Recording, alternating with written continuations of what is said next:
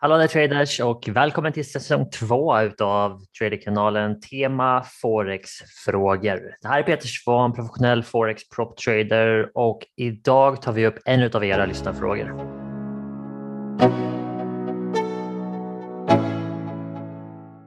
Där, all right traders, hallå där och välkomna till den här veckans avsnitt. Det här är avsnitt 9 utav Traderkanalen Forex-frågor och eh, den här veckans fråga är, ja, låt oss bara säga det så här, en fråga som kommer ganska så ofta.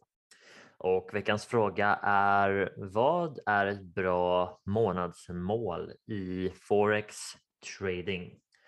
Så den här frågan kommer allt som oftast ifrån en nyare trader som sitter och försöker att räkna ut vad de kan förvänta sig ifrån sin trading. Och jag tror att jag kommer att dela ett par tankar i det här avsnittet om varför det är en dålig idé och eh, givetvis också vad för perspektiv som jag tar på det här.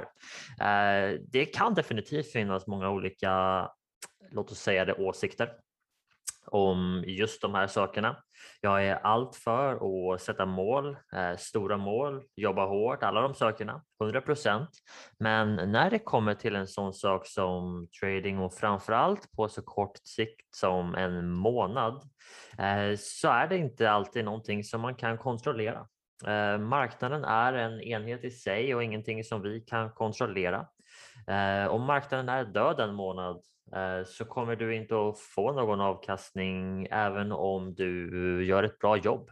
Precis som att en månad när marknaden presenterar väldigt många möjligheter för dig och du gör samma jobb, du följer din plan, du gör det du ska, så får du ett väldigt bra resultat till exempel.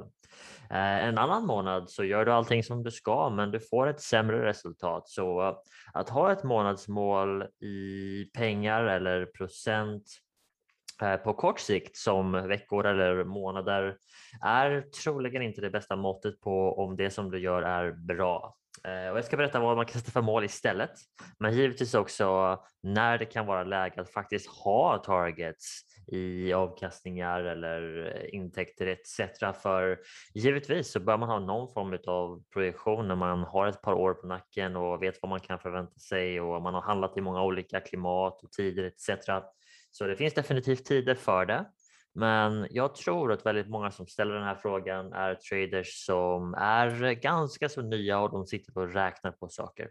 Så jag kommer att ta den approachen här idag först. Så okej, okay. så frågan är alltså vad är ett bra månadsmål för forex trading och det korta svaret är använd historik för att sätta framtida targets. Notera att det här är ingen bra metod, men det kanske är den bästa som vi har.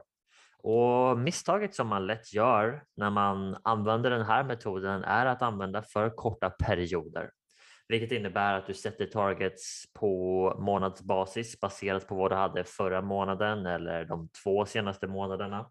Och eftersom att en aktiv trader oftast har flera affärer i veckan, ibland till och med affärer varje dag, så blir det, du vet, det blir inte nog med data för att sätta en target på en vecka och troligen inte på en månad heller. Men att sätta dem på ett år till exempel eller kvartal till och med för väldigt aktiva traders kan vara en bättre idé.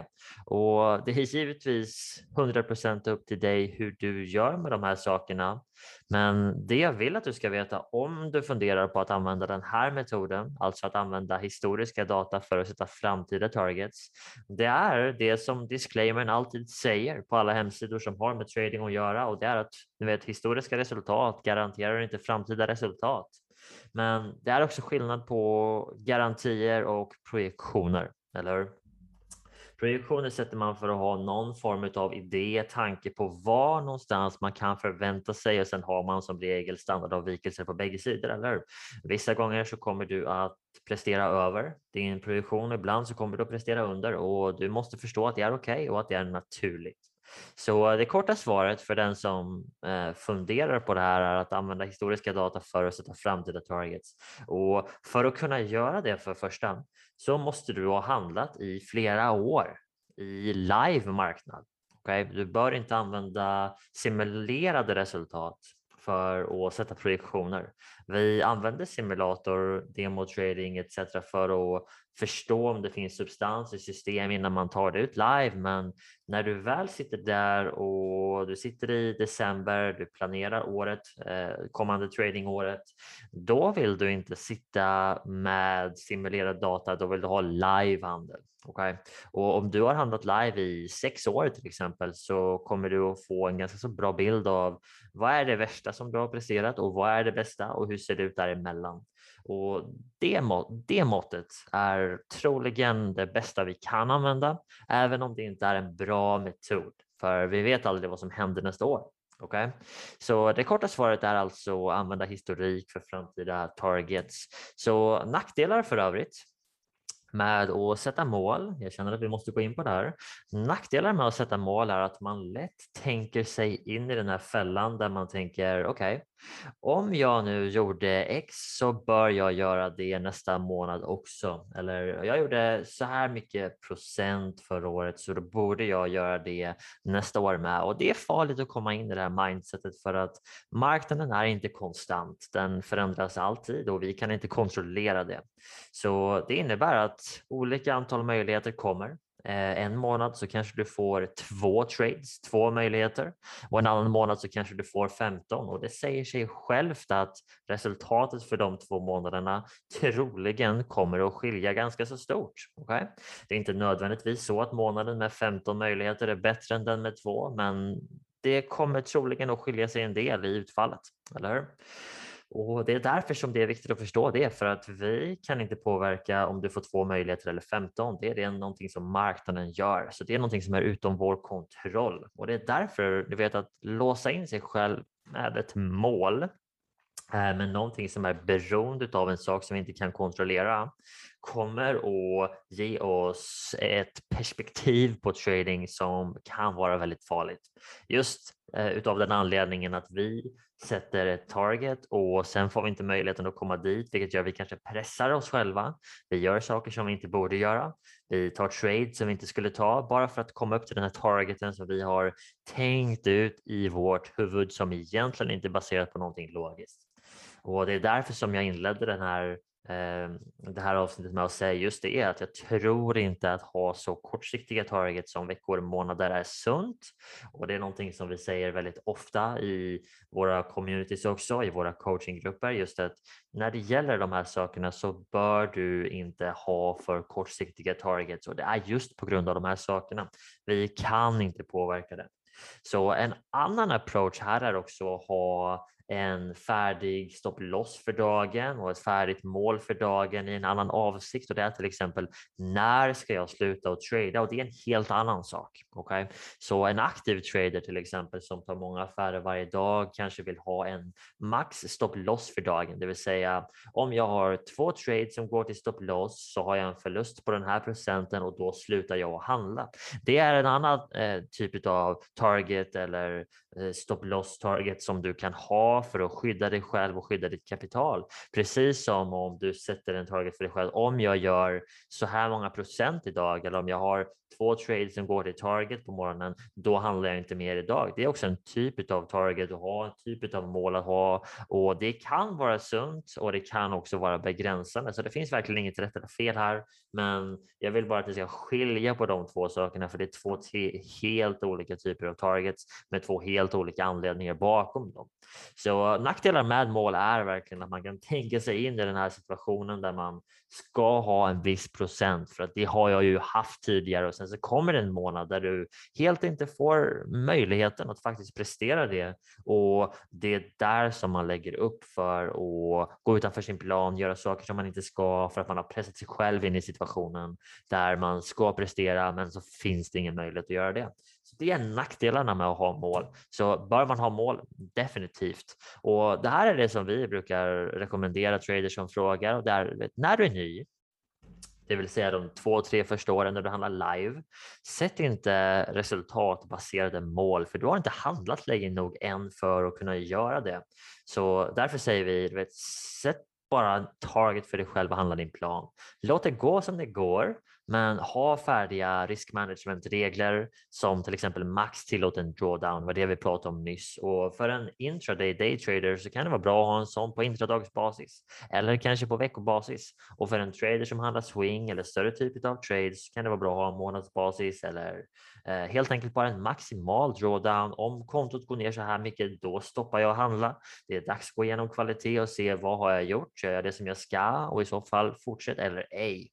Så sådana regler gör att man inte behöver agera emotionellt utan bara följer ett recept. Så det som vi säger är att stäm av kvalitet regelbundet. Det kommer att vara en av nycklarna för, för dig oavsett hur du väljer att sätta dina mål. Och när det gäller att sätta mål för traders eh, så är det två sätt som vi brukar göra det på. Och det första är den viktigaste och det är att sätta processrelaterade mål. Och en typ av processrelaterat mål kan vara hur många korrekta trades har du tagit? Så om du tog eh, låt oss säga 57 trades förra året hur många av de 57 var 100% korrekta i förhållande till din tradingplan, dina regler, sättet som du har backtestat, simulerat, validerat innan du tog det ut live? Och hur många av de här 57 tog du på impuls eller på känslor, någonting som du vet att du egentligen inte skulle göra? Och att bedöma sig själv i eh, form av process, det är någonting som vi kan kontrollera och det är därför som vi föredrar att sätta processrelaterade mål vi kan kontrollera vad vi gör för någonting. Vi kan kontrollera hur många trades vi tar som följer en plan. Vi kan inte kontrollera avkastningen utav det för vi kan inte kontrollera hur många trades som kommer.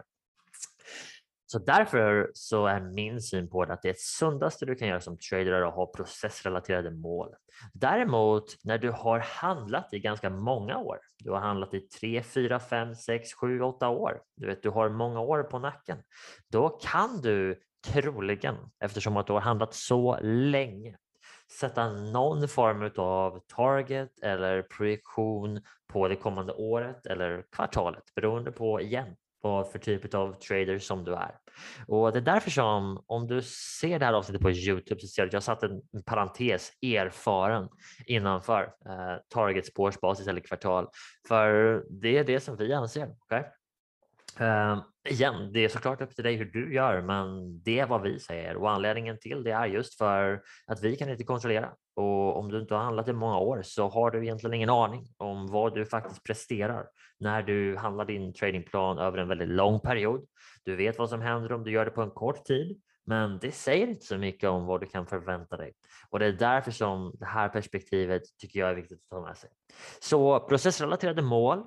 Eh, det är någonting alla traders bör ha även erfarna. Så det är ingenting som erfarna traders hoppar över om man säger så. Det är bara när man är erfaren då kan man lägga på ett lager till där man tar targets i avkastning, procent eller vad du nu vill för någonting. Eh, och jobbar du professionellt så är det någonting som du oftast måste göra. Du sätter det tillsammans med din eh, kontakt, chef eller vad du vill kalla det för någonting så att du vet det här är det vi jobbar för. Det här är det som jag behöver göra för att komma dit och sen får vi se om det finns möjligheter för att faktiskt göra det. Så uh, traders, jag hoppas att det här avsnittet hjälper dig att få lite klarhet och även perspektiv på hur du sätter targets. Jag tror att det här är ett perspektiv som inte alla har tänkt på och gått igenom tidigare. Man tänker så lätt på pengar och procenten när det gäller trading, för det är det alla andra pratar om. Men jag tror att det här är ett sundare sätt för dig att tänka på trading och se på din trading uh, och faktiskt mäta saker som du kan kontrollera istället för saker du inte kan kontrollera. Så det här var en fråga som ställdes, eh, igen inte bara en gång men många gånger. Så om du har en fråga till podden, gå till traderkanalen.se och klicka dig in på fråga podden och så tar vi det därifrån. Ha det bra så länge och vi hörs snart igen. Hej hej!